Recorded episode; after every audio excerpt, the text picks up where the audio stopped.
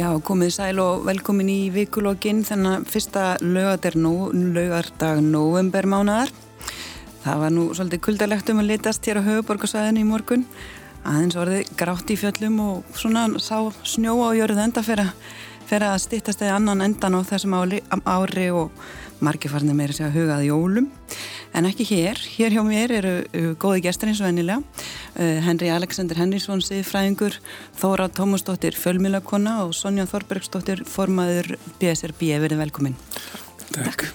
Þannig þetta að segja að það hefur verið stór fréttamálinn þessa vikuna. Hvert málið að fætur öðru svona hristi svolítið upp í, upp í samfélaginu. Stór og, og smá allt frá því að þessi, þessi svona eh, umræðu um slaufunamenningu kom í kjölfar þessar viðtals kveiks við Þóri Sæmundsson og, og Solveig eh, Jónsdóttir, Solveig Anna Jónsdóttir segir af sér sem formaður eh, eblingar eftir eh, svona, svona mikil átök þar innan dýra og svo náttúrulega eh, lofslagsráðstefnan í, í Glasgow í algleimingi mm -hmm hellirinnar mikið mál sem hefur pínu kannski horfið í, í umræðinu hérna heima undir hörna daga bara vegna, vegna þessa hinnamálana sem ég nefni. Og svo náttúrulega kattabannið á Akureyri. Að maður skoðanur á því. En við byrjum á þessu máli sem að verist vera á vörum allra uh, slaufunamenningin og við talið við uh, Þóri Sæmundsson leikara í, í Kveik sem að Aldilis kom svona þessari umræði af stað sem var reyndar held ég markmiði með, með þessu viðtali. En Kveikur hefur hlotið mikla gaggríni, það er alveg hótt að segja það á samfélagsmiðlum og í samfélaginu fyrir það að um, umræðan, umfyllin hafi verið uh, einliða, hefur verið haldið fram að það hafi skort svolítið á að taka, taka máli lengra og ræða, ræða þessa slaufunamenningu kannski á þann hátt sem við þurfum á að halda Uh, hvað finnst ykkur að við byrjum á þér Þóra, hvað eru við stötti umræðinni? Eh, Kanski bara í mjög polariserari umræði en óhjákvæmilegri og, og hún, ef við skautum svona burt frá ystu pólunum þá getur hún líka að vera mjög gagleg og jafnvel skemmtileg og ég held að þetta kveiksmál sem kannski var svona púður tunna vikunar um, hafi, þú veist, þetta eru þetta tákgrænt mál, þetta snýst ekki endilega um Þóri Sæmundsson hvað okkur finnst um hann og hvort hann hafi átt rétt á þessu viðtali. Um, þetta er veist, innleg sem við, spurningin í upphafi kveiksþáttarins var mjög uh, góð. Hvað, hvenar meiga gerendur snúa aftur, eitthvað svo leiðis mm -hmm. mér finnst það mjög góð spurning. Kannski var hálftíma viðtal við Þóri Sæmundsson um hans upplifun af því að hafa verið það sem hann segir útilokaður. Ekki besta aðferðin til að finna svar við þessari gátu sko. Og ég held að það sé alveg réttmætt gaggrinni eh, og kveikur er ekki bara eitthvað þetta er rannsóngablaðmennsku þáttur rúf þannig að við gerum ríka kröfur til þess hvernig þetta er sett fram. En ég persónulega, ég hlusta á þetta viðtal og, og svona tilbúin til að dæma, satt með krosslega hendur og svona fannst þetta kannski svolítið skrítið. Ég er náttúrulega hef, ég ætla bara alveg að segja það ég hef mikla skoðanir á því að þólendur fái pláss og að við tölum um ofbeldi af svona einhverju, einhverju yfirvögun og, og vindur svolítið ofan að gömlum kúltúr þar. Þannig að mér fannst þetta í fyrstu svo litið bara mjög skrítið.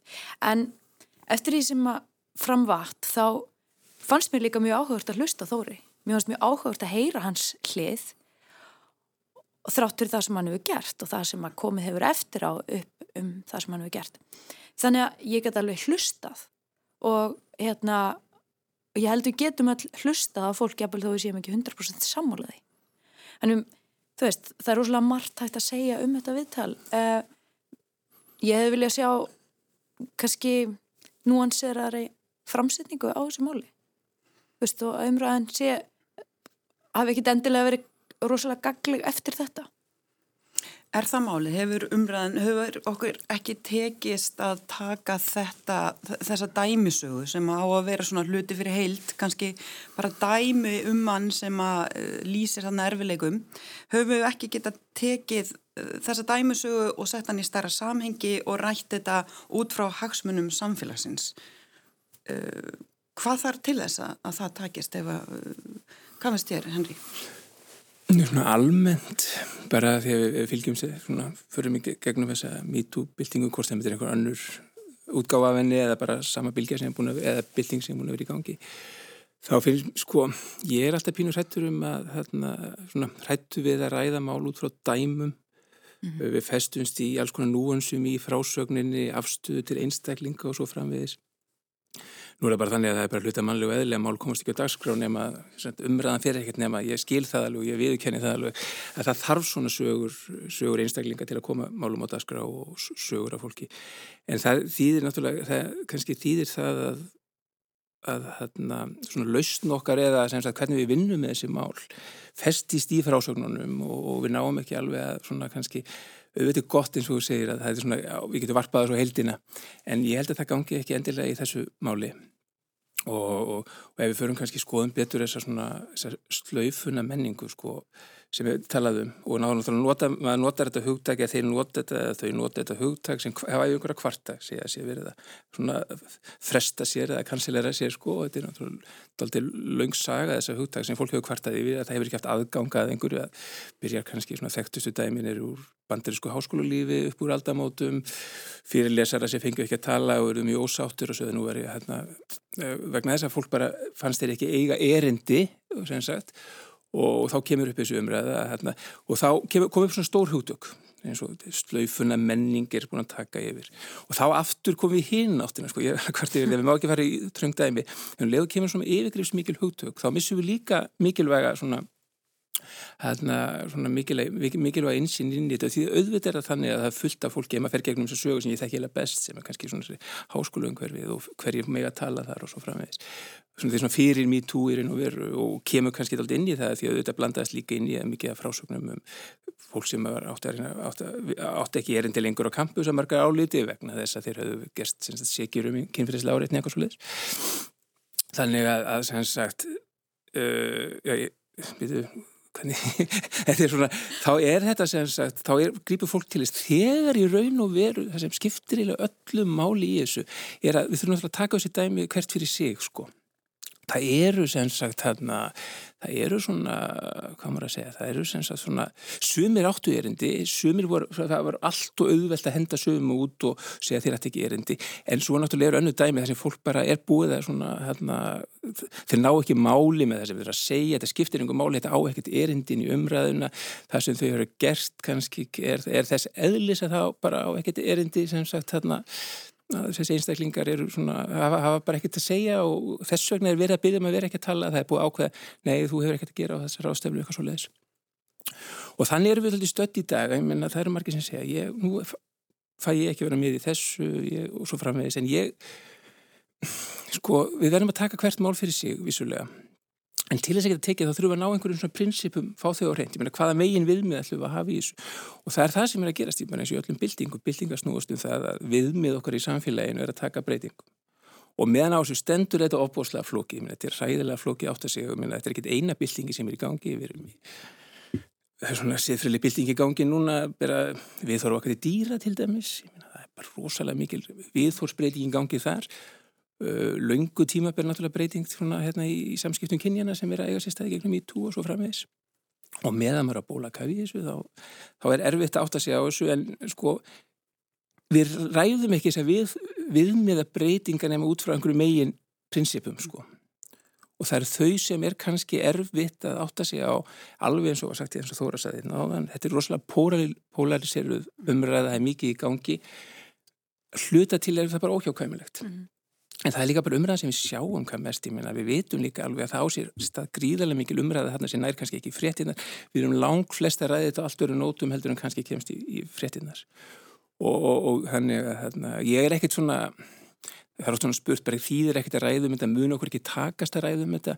Ég er ekki þar. Ég held að þetta muni bara eins og við bara sjáum sko, bara gegnum söguna þegar svona viðþórspiltingar er í gangi við erum oft búin að fara í gegnum þetta bara á Vesturlöndum auðvitað gerist þetta of hægt bara heldum til dæmis að við verðum komið miklu lengri eins og bandaríkjaman voru að uppkvita bara núna fyrir ekkert lengur síðan langt síðan Ruby Bridges fekk að ganga í blandaðan skóla og svo saga áttu bara að vera einhvað í fornöld og svo náttúrulega áttu við okkur á því að kynþátt að misrætt í bandaríkjónum er en þá gríðarlega mikið við líði. Þessi MeToo bylting mun náttúrulega upp, enda svipuðum, ég meina eftir 20 ár munum vera eða Guðminn Almáttur gekk þetta svona hægt. Mm, mm. en viðhórsbreytingin mun samt eiga sér stað í samfélagin og fyrir lang svona stæstan hluta samfélagsins. Uh, okkur svona, svona, svona með stöndum kannski einhvern veginn miðjunni sem erum að reyna svona átt okkur á þessu. Við áttum okkur á þeim viðhórsbreytingum sem þurfa eiga sér stað og erum að reyna að finna okkur í því. Og því meira sem okkur teksta átt okkur þessu sem við kallaðum megin viðmið í þessu. Áttum okkur á prinsippunum hvernig eru þau að breytast og hvernig ætlum við að hafa okkur. Þá, þá náttúrulega tekst þessi umræða. Og þessi sem ég segi sko einstaklingarnir sko ef við ætlum að taka einstökum dæmi það rugglar þessu umræði við festumst í einhverjum einstökum dæmi það... En þessi nöfn, að að, ef við má grípa fram í, að því að þú veist, einstaklingarnir eru hérna í raun og veru það sem við lætur okkur skilja og ég minna að Rosa Parks já, já. var einstaklingur ég veit að, ég, ég, ég, ég er bara konið mótsöku sjálf með þetta, ég kem náttúrulega strax með dæmi til þess, auðvitað er þetta þannig við já. þurfum þessi dæmi svona til þess að staðsetja okkur og kom, eins og ég sagði á málum á dagskrá, það er bara í mannlegu eðli að við fáum ekki áhuga neinu nema þessi andlit á hlutum mm. og svo framins mm. en, en, en, en sko, verkefni samfélagsins núna er semst alltaf, og okkar allar til dæmis þegar okkar sem sitjum hérna bara í dag er að reyna aðeins að átt okkur á því og hvað læru við að þessu, hver eru megin prinsipinni sem eru í húfi, hvaða við, viðmið í samfélaginu er að breytast, hversu langt þurfaðu að breytast svo framvegis og þessu umræða getur alveg farið fram með því. Hva, svona, hvað finnst þér vandi þetta? Hvernig er þessu umræða þróast? Hvað eigu að vera að tala um núna og, og svona hvað áhrif hafði þetta viðtal? Hafði það mun að hafa til lengri tíma áhrif til góðs eða fóru bara kólrangt inn í þetta?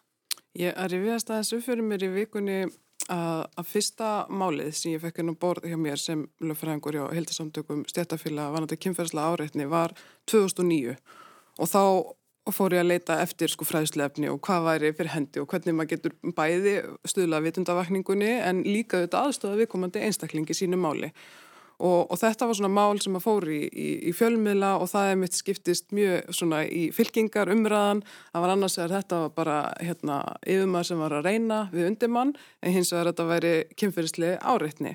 Og á þeim tíma er fræðsleðefnið þess að bæklingur sem ég fann, hann var frá 1995 og þið veitir þetta gerist mjög hratt og, og lengri tíma Ég pantaði fræðslefni frá Svíþjóð og það er eitthvað neginn, já, besta leginn til að ná fram vitundavakningu er að segja að hegðunin, ef hún, ef hún myndir ekki við hafa hann að gagast batni, að þá er hún ekki við á vinnustaf. Og ég veist að, wow, ég er ekki alveg vissum að þetta sé skilabóðin sem við viljum setja inn í samfélagi.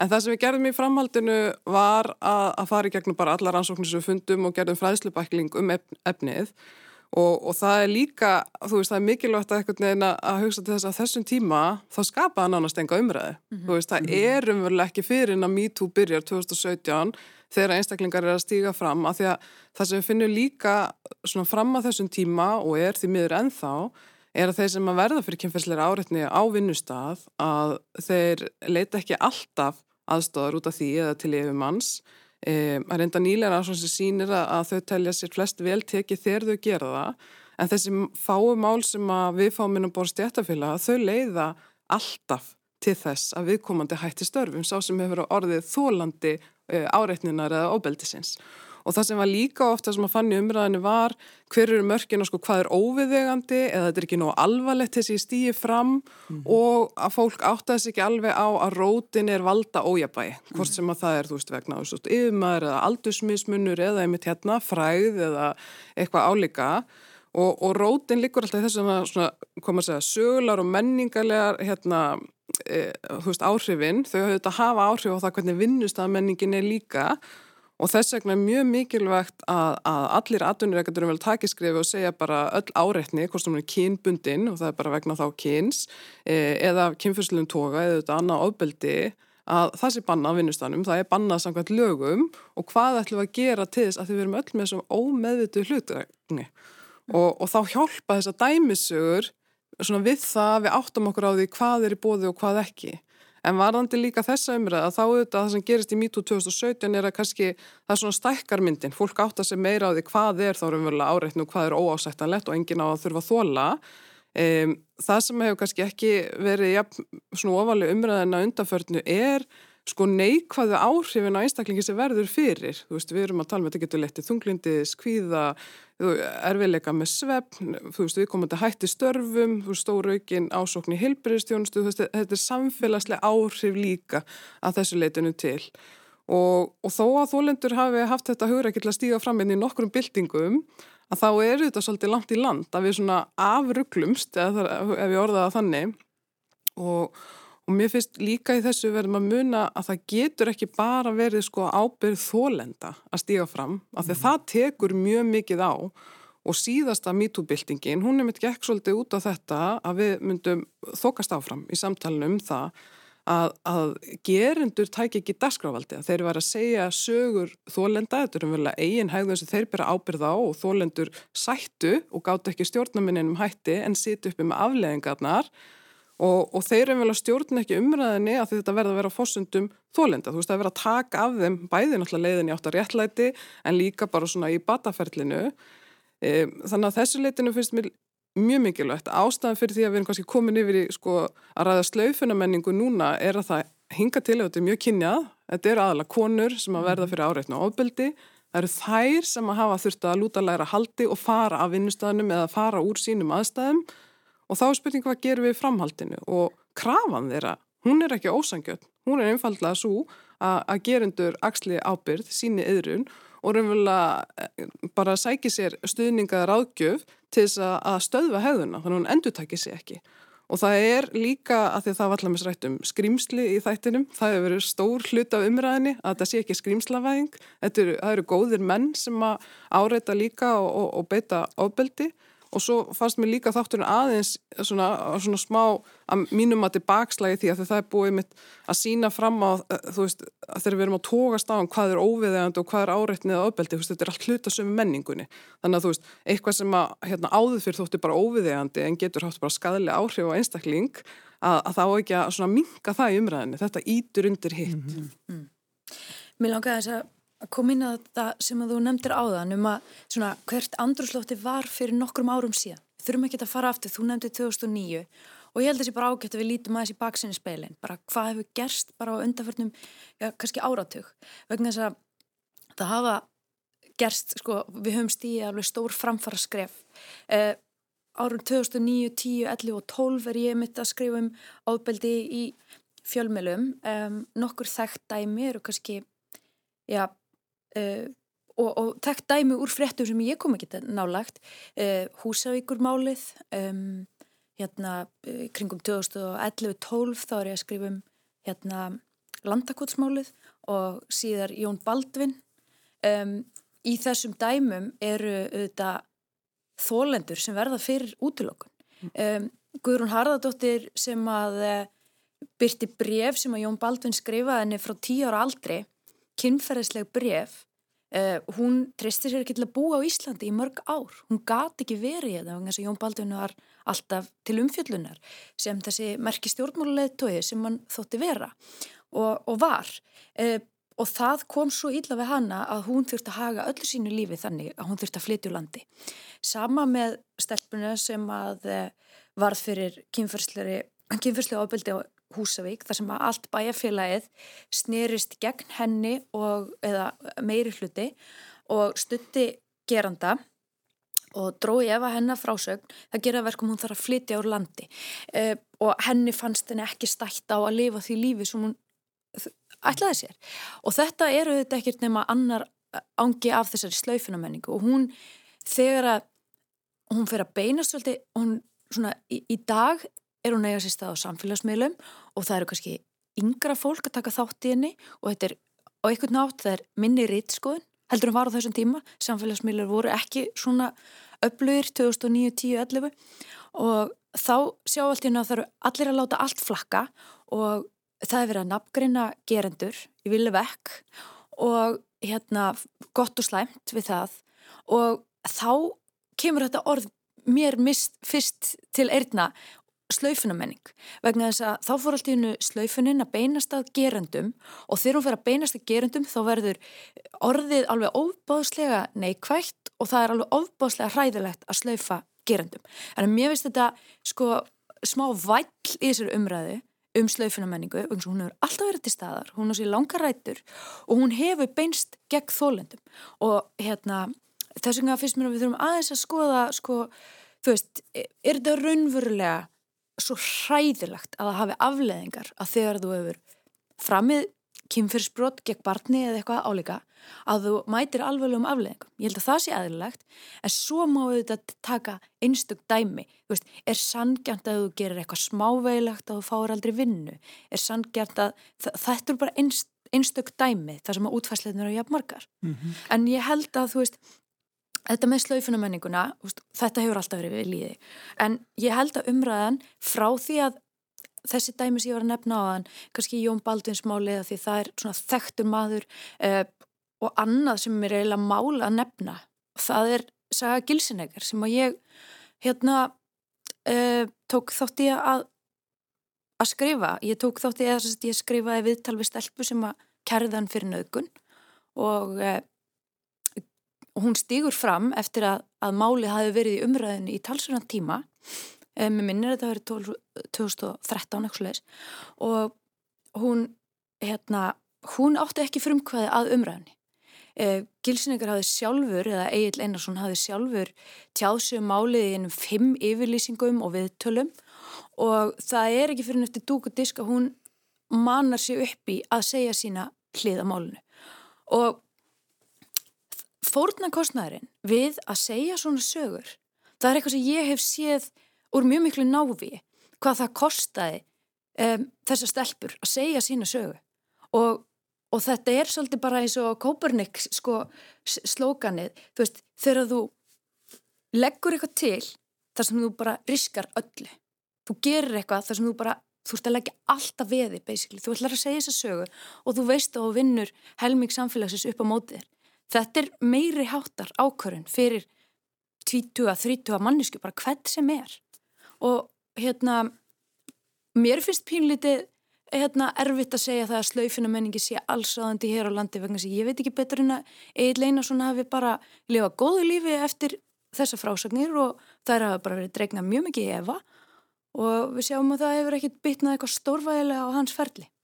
Þannig að kannski líka þetta sko þú veist, hver er kjarnin í þessar umræðu? Þú veist, það, þetta, er, þetta er menningalegt fyrirbæri. Mm -hmm. Þú veist, mhm. þess að geta einstaklingar, þú veist, þeir eru mikilvægir í mitt í að segja sína sögu, en þú getur ekki lagt ábyrgin á þau Og þess vegna eru þetta krafan þessi að samfélagi allt breðast við, við öll sem einstaklingar séum að breðast við. Og mér finnst að fókusin umræðinni hann verða að vera áfram þar. Mm. Hvað getur við gert? Ja. Það er mjög mikið fræðslefni í bóði. Það geta allir farið núna inn á 112.is og náðu sér upplýsingar bæði fyrir þólendur og gerendur En mér finnst líka stóra aðrið sér og sem er náttúrulega búið að segja þúsundsunum, það þarf að byrja miklu fyrr, það þarf að fara í kynfræðslu í leikskólum, í mm. grunnskólum, þegar við vitum hvað áhrif klám hefur og strákar allt nýri áttára aldur er að segja sér það efni og það auðvitað brenglar viðmiðin þeirra, þú veist, hvað er eðlileg svona hérna hægðun í samskiptum kynjana og, og kannski endilega, þú veist, ég meina þetta er kannski ekki endilega meðvitað en, en áhrifin eru svo skadleg að við verðum að gera eitthvað í því og, og svo er líka að tala svolítið um, um hérna, ábyrð foreldra og allt þetta. En þá, sko, það er þannig að það er við með svolítið um námskeið að það koma bara aðala konur á námskeiðin, mm. það er aðala einhverju sem að vinna kannski beinlinis við jafnbryttismál En þetta auðvitað varðar okkur öll, þannig að mér þetta að vera skildufræðsla líka inn á vinnustæði, öllum raunverulega að taka þess að vitutuvakningu allar leið og einfalda bara við öll sem einstaklingar. Ef við verðum vörfið eða við teljum einhversi að verða fyrir ábeldi, einhversi að beita ábeldi, mm -hmm. að við einfalda bendum á þessar leiðir sem eru færar og, og hún segir oft Sigþrúður hérna frangaðstýra hvenna atkvarsins, hún sagði að þetta er faraldur og hún er að vísa náttúrulega til heimilisóbeldis sem eru stóru aukast í gegnum COVID Eh, ef þetta er faraldur alveg eins og COVID-faraldur nokkur eru ekki með daglega upplýsingafundi til að breyðast við því mm -hmm. og svona maður svona pingu brósur út í annað maður heyrir þetta en eftir þess að ég segi þetta oftar upphátt eftir henni að þá finnst mér þetta að vera bara skrefið fram á við mm -hmm. veist, við eigum að setja þetta þannst allaveg við tökum þetta þetta alvarlega og ég meina hvort sem það virkar að segja bara við ætlum að hafa hérna árán ofbeldis og það mannu bara allir leggja sitt að mörgum til þess að, að ofbeldi mm. En, en þó, fyrst við erum all sammála og þú verist vera samfélagi er allt sammála um að við viljum ekki líða ofbeldi eða ofbeldis menningu eða, eða svona eh, meðvirkni með, með gerundum Eh, hvers vegna er umræðan þá svona polariseruð? Hvers vegna verður, fer fólk bara um leið í skotgræðinar? Það getur verið alls konar ástæður okkur um polariserast og það, þannig að ég kannski minnst þar á að gera því. En við það sem við erum að reyna átt okkur á það sem er vandamáli hérna, að, þetta er svo auðvilt að segja myna, við viljum ekki ofbeldi, við erum allir sammálum það, mm -hmm. myna, það er einhvað skrítið fólk sem væri ekki með, með á því. En þetta eru svona, sko, ég er ekki að fara að útskýra hvað MeToo er það var að sé hérna.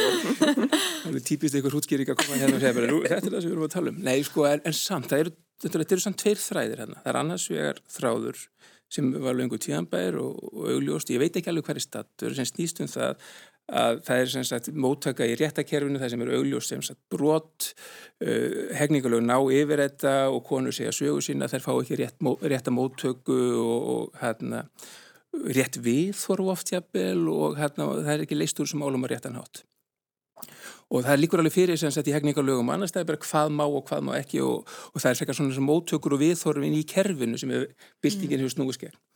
Svo er það hitt sem er flóknamáli og þar er við að tala um breytti viðþorfu og svona sem snýst um það sem, sagt, sem við vitum ekki alveg hvort það eru mál sem tengjast því sem við viljum hafa sagt, bannað í lögum eða við erum að reyna bara einfallega að breyta viðþorfum fólks hvort það sé lægi eða ekki. Mér er bara bara að heyra sögur, ég man að fyrsta sagan sem setti hausin á mér sko virkilega klikkaði einhvað í hausin á mér. Nú er ég aftur góðin í dæmi eins og ég ætla ekki að tala um. en það var hérna svona kollegi minn kona sem var bara ekki í háskóla bara jafnaldri minn. Uh, við vorum bæði færðin að kenna í háskóla Íslands svona tíma og hún fyrir að tala um segja sögur þetta hún var í háskólanum að það var hérna kennari þar sem sem sagt var svona kallaði klýpari sem sagt hann var alltaf með hendunar einhvern veginn í kvennkins nefnendum og ég man bara hvernig ég alltaf hugsaði vá, ég, þetta er eitthvað sem veruleiki sem ég hef aldrei hugsað út í einhverju myndi búa við, ég menna bara sagt, þetta var eitthvað sem var bara og það var ekkert brúðist við þessu og það vissi ekki hvernig átt að breyðast við þessu, hvarlega ekki aðeins að það væri hægt að breyðast eitthvað við þessu. Þetta var bara svona. Og svo hérna 30 ánum setna þá var alltaf í svona hvað var, hvað hvað gekk á þetta, okkur letu svona og þessum er bilding í gangi mm. því að ég veit ekki alveg sko minna, hvað ætlum að gera í sambandi við það að, að kallmenn séu með hendunar í lærum eða mm. sko ætlum við að setja því bannaði hegningarlögum, er, erum við ekki að tala um að við ætlum bara að reyna að breyta við þannig að allir viti það að þetta er ofbeldi að það er að segja, þetta er brota og þetta er virðingaleysi hvert mm. öðrum einstaklingi og það er þetta sem er náttúrulega svo miklu flóknari viðfangsinn og það er það sem byltingi snýst allt um núna. Uh, sko það sem bara einhvern veginn fólk kannski áttaði sig ekki á uh, bara hafði ekki einhvern veginn lært og ég myndi að tala um þetta, þessa fræðslu, hvernig þetta verður bara einhvern veginn að þetta gerist ekki nema samfélagi allt sé að taka þátt í þessum viðforsbreytingum og, eða viðmiða breytingum Þetta var það jafn rámt, ég er ekki að segja að þetta var jafn rámt á sínum tíma, en við þurfum, og það er það sem við erum að gera núna, það er bara einfallega að reyna átt okkur á hvað er ekki ásættilegt í mannlegum samskiptum. Og þetta er ofbúslega flókið, ég meina það er ofbúslega erfitt að snúa svona viðþórum við, en ég meina ég held samt að hérna, við séum komin sko hérna, miklu lengra, bara örfáum árum átt okkur á því hvað er, ég meina bara við skilgjum ofbeldi þannig að það er brota á, það, það sínum var ekki annari mannesku virðingu. Og þetta er það sem er búin að vera svona það sem er bara byltingin hefur snúist um að reyna benda á þetta, draga þetta fram og, og hérna reyna að útskýra þetta fyrir sem þeim sem hafi ekki átt að segja á þessu. Og smá saman, auðvitað gerist þetta hægt og allt og hægt og svo framvegis. En þetta er samfélagsins alls.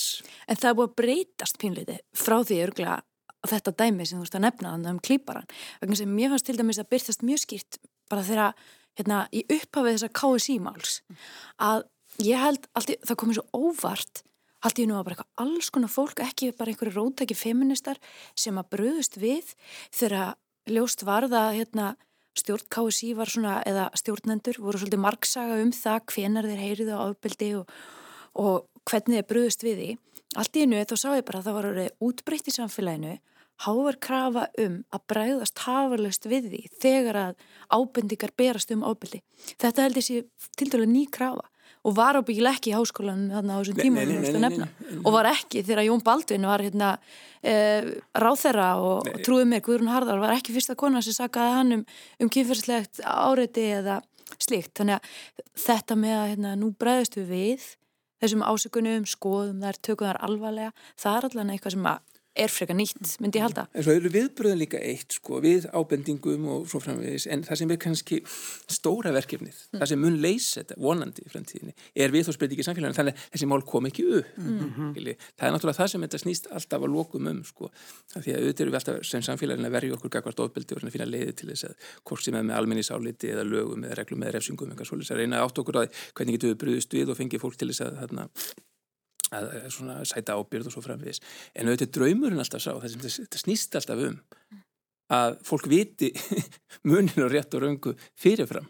Má ég nefna eitt dæmi í þessu samvengi þegar þú tala um viti munin og rétt og röngu en sem ég veist þetta svo hérna, mikið ef ég má sletta mindfuck sko.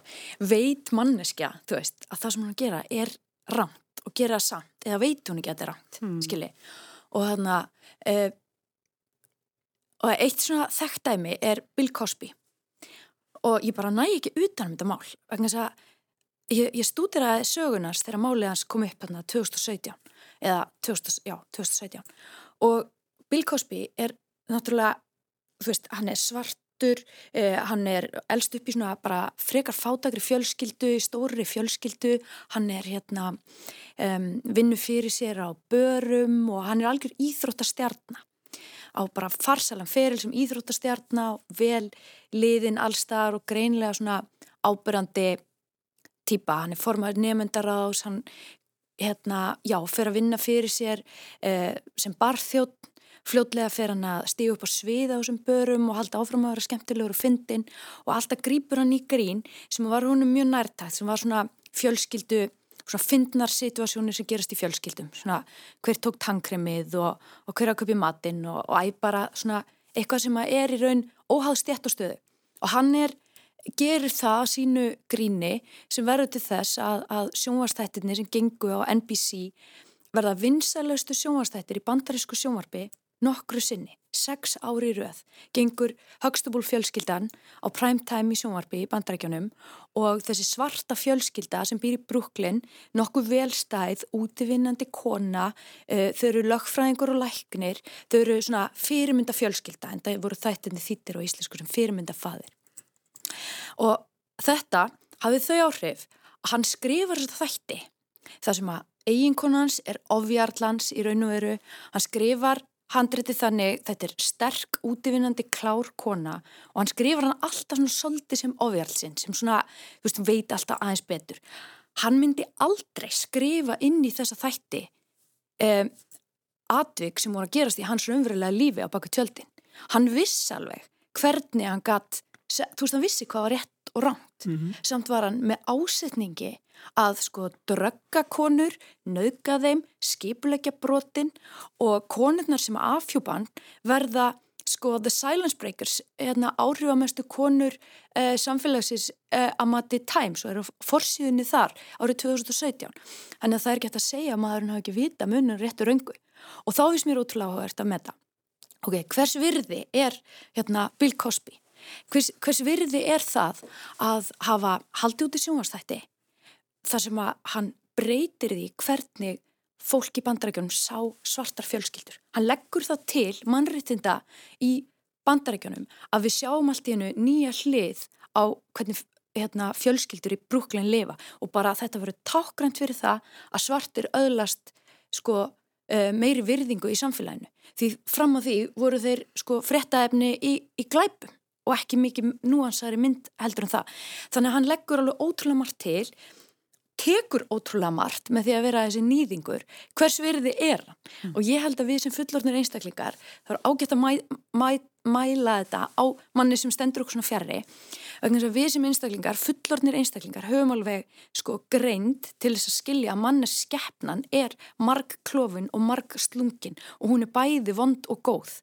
Og það er það sem að sko kannski ef við förum aftur í þóri sæm það er alveg það sem að örglaði mig svo mikið að ég fandi bæði samúðar og andúðar í sömu andra og ég bara, þú veist, þar eru við stöpt, að stundum eru við bara með manneskjur og þetta eru kannski mest fascinerandi manneskjur í samfélaginu og í kvikmyndum og í bókum. Það eru þessar manneskjur sem eru bæði vondar og góðar, þú veist, þær eru í raun og veru sko, þú veist, það er aðdróttar að skilji hvort manneskjan er góða vond og það er ábyggilega það sem er að versta við að verða fyrir ofbeldi að hendi mannisku sem þú elskar og hatar í einu. Og hérna og þess vegna erum við svo fasinir að fólki sem að ábæði svartar og hvítar hlýðar til. Ég nefnir bara Kára Stefánsson sem dæmi. Þú veist, mann sem við erum bara endalust að brjóta heilan um, hvað er þetta fyrirbæri? Hann er, þú veist, vondur og góður og allt þar á milli. En það sem við kannski á við er, sko, við munum aldrei geta losna við ofbeldi úr samfélagi eða nokkur mannlega samfélagi. Það, það er ekki það sem við erum að tala um mm -hmm. Það sem ég, við erum að reyna að losna við er og með svona byltingum ég meina það verður alltaf til fólk sem haldi kynþáttahyggju. Það er bara, við mm -hmm. losnum aldrei við það. Það sem við erum að reyna að losna við með svona byltingum er all massin það sem fólk er að gera einhvað í hugsunarleysi hinga til. Sem þetta vissi ekki sagt, það er það sem þetta snýst um að það þetta sé sjálfgeft eins sjálfgeft og mögulegt er í samfélaginu mm -hmm. að það fólk sé sem sagt yfirleitt er það sem, og það er það sem til dæmis ég er að fjalla um siðfræði, þá segir ég óttu við fólki minna, ég er ekkert fólki uppáhaldspurning allir að spurja mútið siðblendinga sko, mm -hmm. það kom eitthvað málunum við, ég segi alltaf bara ég er að tala sem siðfræði snýst um og að reyna átt að segja á svona siðfræðilegum gildum og hversan þau skipta máli og hvaða við megin við með það hafa í huga þetta er fólk sem er sem sagt ég er að gæta því að fólk svona, eða aðstóða fólk uh, og segðfræði getur aðstofið það að það ger ekki einhvað í hugsunarleysi eða kæruleysi. Einmitt. Og það er bara fyrir okkur vennilegt fólk skiljiði. en, en svo, ég meina, við getum aldrei sem samfélag útiloka það að einhverju brjóti og öðrum, ég meina, við lostum ekkert við það. Það sem er gráðlegast er að sjá fólk sem til dæmis bara skadar umhverfi skadar dýr, skadar aðra manneskjur í einhverju hugsunarleys, mm -hmm. spurði sér aldrei hvað ef eða var þetta í lagi og svo framvegis. En svo er svolítið komið inn í þessar umræðu uh, svona fyrirgefningin og, og afsökunar, svona byggast afsökunar og mm. hann hefur svolítið verið sagaður um að hafa ekki sínt nægilega yðrun til þess að nægi rétt á endur komið í samfélagin. Mm. En hvað eru þar? Hvernig getur við metið hvenar yðrunin er nægileg til þess að fólk fá fyrirgefningu? Yðrunin er náttúrulega pínu flókið hugdag og þetta er verið að greina, greina það nákvæmlega. En ég er aldrei talað um það svona umberlega að til dæmis ég hef áhyggjur af því að Ísland, samfélög bara almennt séu komið svona pínu hérna takk ekki afsakanir alvarlega. Ég held að það sé alveg líkilega í síðu samfélagi sé hægt að byrjast mm. afsökunar. Um leiðu við erum alveg og allt og kaltæðinga hvert afsökunum þá er þetta halvpartinn búið sko, við getum eiginlega ekkert þarna. Fyrirgefning getur aldrei annað sko, fyrirgefning krefst einhver svona þess að einhver ger einhver, það, það, sko, það, við erum að fara mjög varlega með að ætlast til þess að fólk fyrirgefa einhver til dæmis það er bara mjög persónlegt mál og, mm. og, og til dæmis ég held að sé til dæmis marklu, með bara merkingalu stundum að tala um að samfjölu fyrirgefa einhver. Mm. Það er ekki nefn einhver brjóti einhvað eða því að hann fekk viðkomandi eða fyrirtækið einhvað, gerði einhvað í skjóli all samfélagsins, það er bara mjög sjálfgeft sko. En það að geta byggðist afsökunar, en það sem ég er alltaf að reyna að benda á með afsökunar, þær eru samtal sko.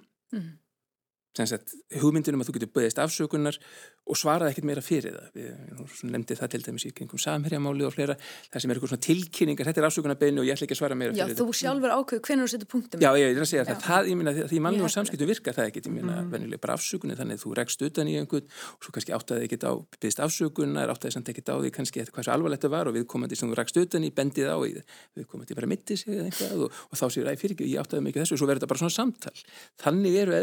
samt ekkert samskipti sko að maður byggðist afsökunar og, og hérna, vegna þess að maður átt að segja á því að kannski einhver, þetta, maður, maður er búin að valda einhverjum óþægendum.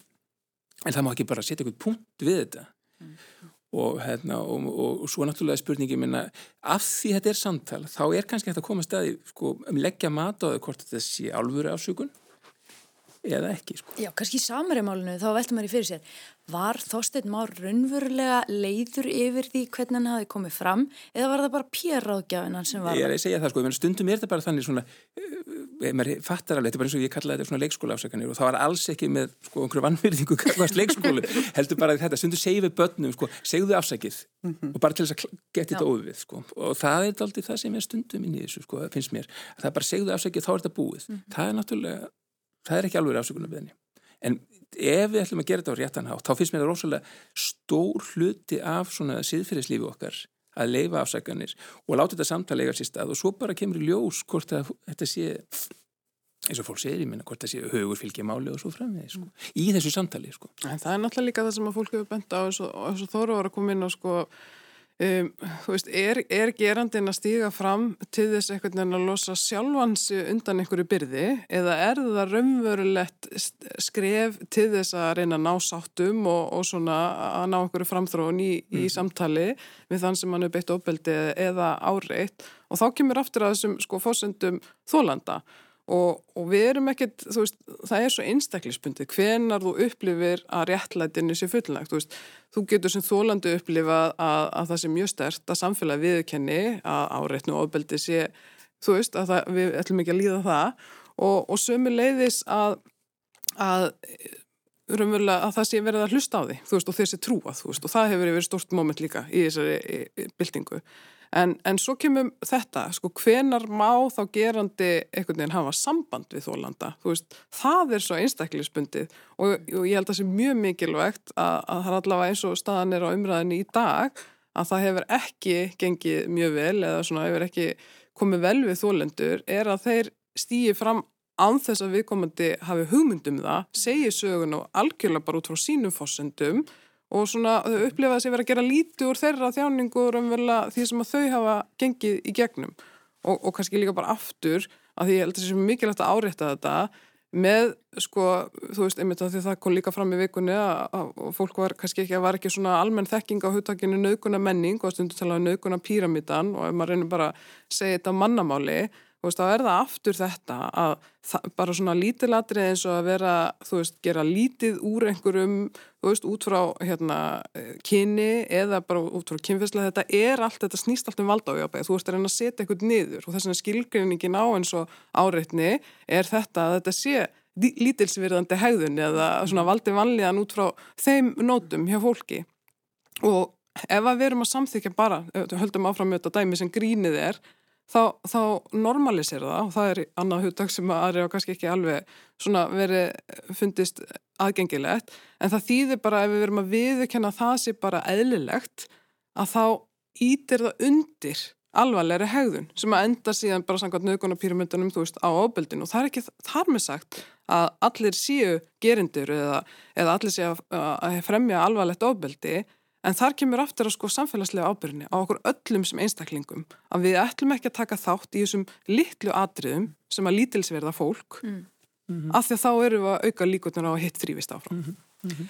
En við förum aðeins annað yfir í svona hitt stóra málvíkunar uh, Solveigu, Önnu, Jónsdóttur og hennar afsögn úr eblingu. Það verist að vera mikil átök þar innandira og, og svona, uh, svona svona sláandi að lesa í rauninni svona þær skeitasendingar sem hafa farið þar á milli.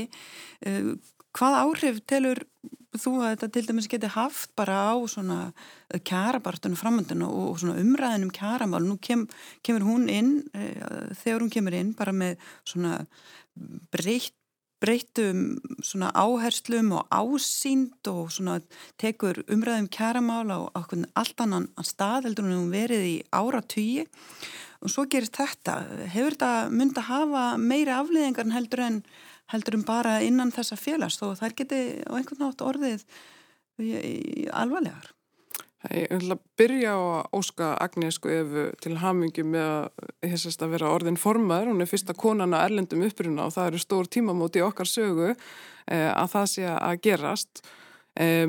Ebling eru þetta næst stærsta stjættafélag landsins og, og hefur áhrif sem slíkt og eins og þú kemur inn á Solvanna hefur verið mikil baratukonna og hún hefur lagt mikla áherslu á það sem hafa, lagst, hafa launin og, og sömulegi stöðu hérna lág launa hvenna á vinnumarkaði og, og umræðan hún hefur raunverulega þróast áfram og það hefur lögð áherslu þetta hennar vegna. Þannig að þetta er mjög mikilvæg baróta og, og ég, þú veist, maður sá það líka eins og lífskjærasamlingunum 2019 það sem var ákveð að fara í, í, í króntöluhækkanir sem að við sjáum núna bara stöðut í, í ríni hérna á e, raunverulega áhrif kjærasamlingana er að þau komu best við þau lagst launu þannig að þau náðu markmiðun sínum og hún áttu þetta stóran hluti því. Þannig að það er mjög mikilvægt að hafa ymitt þessa, þessa sterkur rött sem að tógar umræðina áfram hvað þetta varðar.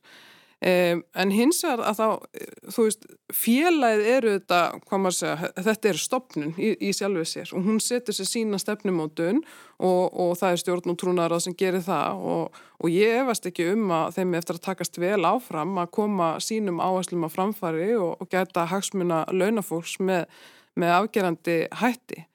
Um, eins og þú, þetta er svolítið svipað eins og hérna, margar umræðar sem við erum að taka, það, það er svona það er erfitt að átta sig á hvað er hverju sinni, hvað veldur.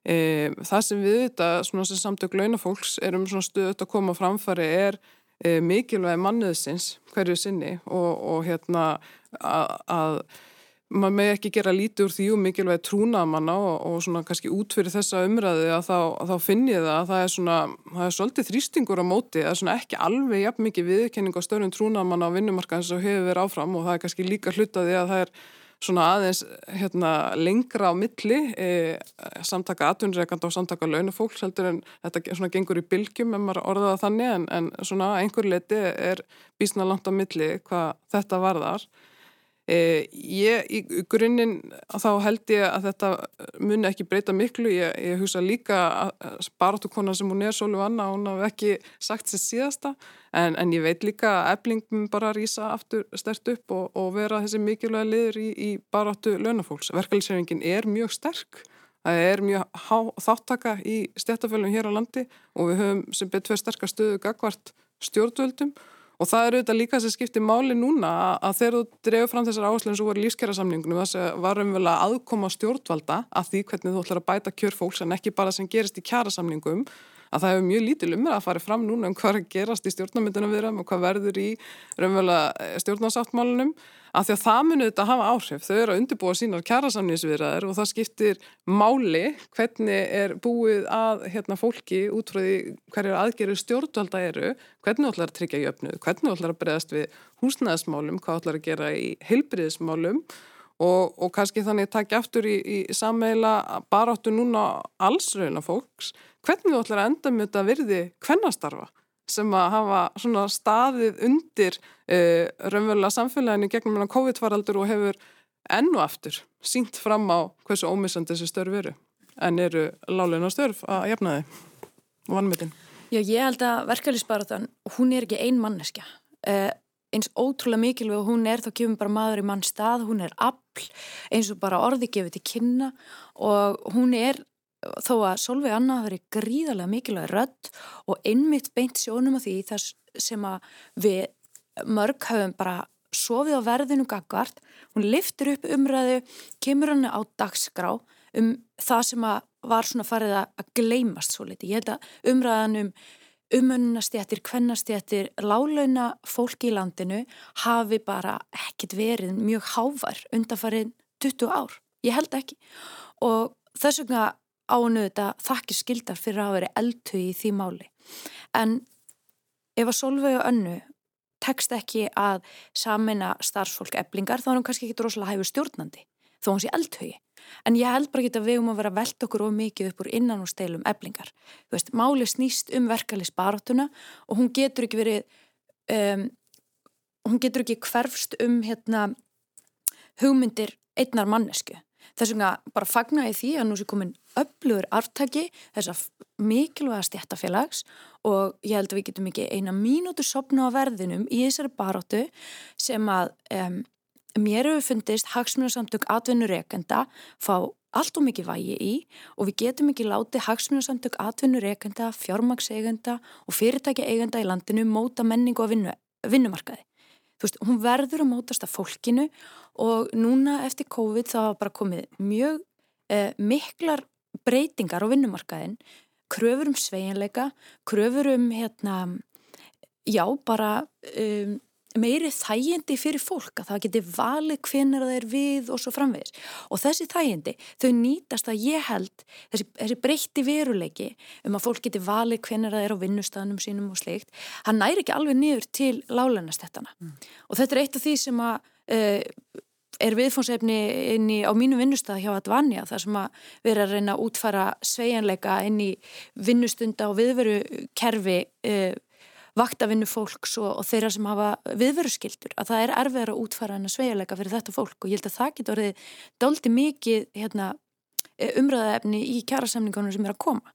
Því að þú veist við verðum að skapa vinnumarkað með jöfnuði og ef við gerum það ekki, ef við hlúum ekki að því að skapa jafnara samfélag og látum hagsmunusamtök fyrirtækja eigenda e, stjórna umræðinu hérna þá fáum við enn polariserar samfélag og fáum samfélag sem elur af sér meira ofbeldi og meira af því sem við vorum að ræða áðan og þess vegna held, held ég bara að þessi mannriðþendabaróta, þessi verkefliðsbarótan er, þetta er eitt mikilvægasta mál bara nútímas fyrir utan kannski loftslagsmáli.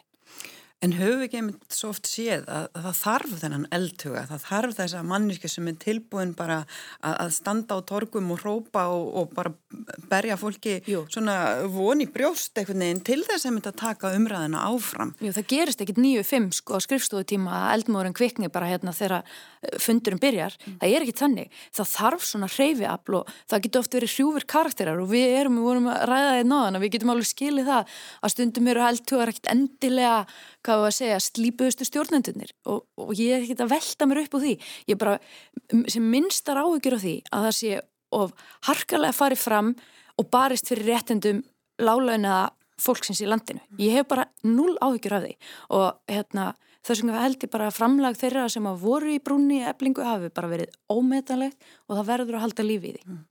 Og svo eru umhverfismálinn sem við náum alltaf að ræða einn í dag sem eru samt búin að vera á daskra sko, e, alls heimsins núna þessa vikuna og verða næstu viku áfram. E, hafið þið náðu að fylgjast með? Er þið vongóð um að þetta muni skilja einhverjum árangri e, þessir ástöfna? Sagði ekki bara Greta Thunberg er það best, hún sagði bla bla bla. Erum við ekki alltaf þar? Ég, sko, jú, ég er nú fyrst aldrei með þessu. Uh, maður er náttúrulega alltaf hálf dabur yfir hvernig þetta hvert þetta eru farið alls saman, sko, það eru ákveðin mál hérna sem ég held að sé að færast í rétt átt þetta er afmörkuð, ég held að það sé einhver svona aðeins fara að nást árangur með til dæmis skóareyðingu það verður að nátt okkur að við þurfum að borga fyrir það, meina að, að, halda skóum heimsins. Mm. uh, menn er að fatta að það þarf að taka sem sagt ofinbært fyrir, við þurfum að sapna í sjóði til þess að venda það, ég meina við erum búin hérna maður getur keirir um alltaf Evrópu, Þískaland, Frakland það sem er búið að eða skóum, við erum búin að innvaðast við getum ekki hérna, ætlast til aðra þjóðir í, í öðrum heimslutum hérna, gera það ekki ánum þess að borga fyrir það. Og, og það er eitthvað svona, það er, svona, það er eitthvað aðeins að gerast í þessum málum mm. en það sorglega við náttúrulega bara allir þessi loftlagsmál er það að hérna koma saman hópur stjórnmálamanna sem eru allir sko, að veit, innstinni eru þeir ekkert að fara að gera það sem þarf að gera Við vitum alveg að loftslagsmál eru bara mál sem verður að leysa sameili, þetta er svona bara skilgrinninga atriði, ég menna það er ekki hægt að hugmyndur um að hver þjóð þurfa einhvað spáið út frá sínu, bara halgert bull sko. Þetta er svona bara samilegt verkefni, þetta er ekki verkefni einstaklinga, það er búið að eida allt og miklu púðri og við erum allt og ginnkjöftir í því að láta varpa ábyrðin yfir einstaklinga, hvað þeir eru að gera, hvað þeir geta gert. Það er hérna, atvinnulífið er svona komið ansið langt í því að segja við getum bara lista þetta bara ekki hérna, við erum með alls konar sniða patentlausnir alls ekki setja skatta á okkur því við vitum í raun og veru að það, þegar við ætlum að leysa einhvað samiðilega, þá eigum við bara eitt verkværi og það er sem sagt einhvers konar skattlagning mm. við þurfum að sapna í sjóði og reyna að gera það rétt, rétt látan hátt og, og við vitum alveg, loftslagsmál er, eða loftslagsváin er miða við öllu vandamál sem við stöndum framfyrir þá er, þá er þetta auðlistasta vandamál sem við stöndum framfyrir í þeim skilningi við vitum alveg hvað það er að gera við vitum alveg hvað vandamálið er. Jærðafna elsniti er alltaf ódýrst það er, bara, það er vandamálið, það er alltaf aðgengilegt það er alltaf ódýrst, við framleiðum alltaf mikið.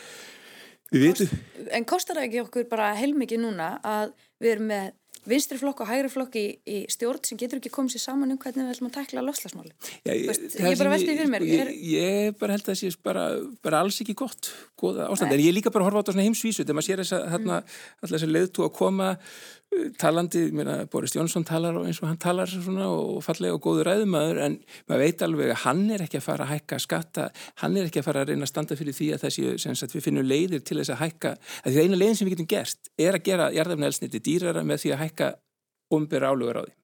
En Úsland og, Kína mætti ekki eins og. Ég, ég er að segja það, sko, við, við verðum, við vitum alveg þetta, við þurfum að koma stjórnmóla sko, hérna, fóringum heimsins saman og finna leið til þess að gera jarðafnæðelsniti dýrar með ombyrjum gjöldum. Vegna þess að til þess að þetta sé réttlætanlegt og fólk sé til í þetta þá þurfum við að setja fjármagnir sem kemur þaðan að sannfæra fólkum að það hafi það betra á eftir og það er verkefnið. Mm -hmm.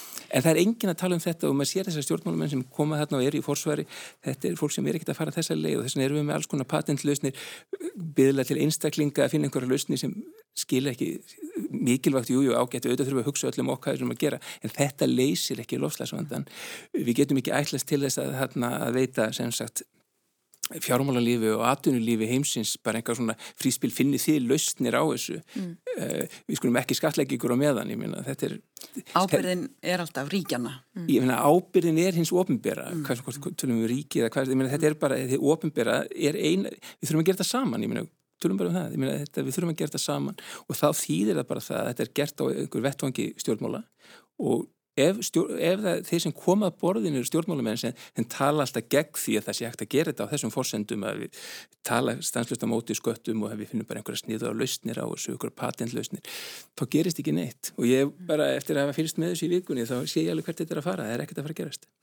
50 stjórnmálamenn frá Íslandi sem flugur til Glasgow til þess að finna út þessu. Rétt vonaði komið með eitthvað í farteskinu heim og finni pressuna sem er á þeim ég held að á meðan við býðum hægt og rólega eftir þessi ríkistjórn myndist og, og kynni einhverjar alvöru aðgerðir í, í lofslagsmálum hérna, þá getum við hort á það sem að kannski hefur gerst bara undanfjörðum mánuðum að til dæmis er tæknin að leysa hólum alveg ótrúlega mörg ferðalög og, og draga úr kólumnispori og ég held að þessi talaði um að upplýsingatækni geirinn sé um 23% af eh, kólumnispori heimsins á meðan hortir til þess að tæknin muni í, í 20, geta dreyið úr kóluminsbóri allnir í ja, 20-30% þannig að veist, það er ímislegt sem hættir að gera þó að það sé ekki að frumkvæði Katrín og Bjarnar En það verður sjálfsög áhugavert að fylgjast með þessu í næstu viku hvort það er ná að koma með einhverja raunhafar lausnir til framtíðar En við erum uh, runnin út á tíma í dag og ætlum að segja þessu lóku og þakka ykkur fyrir komuna.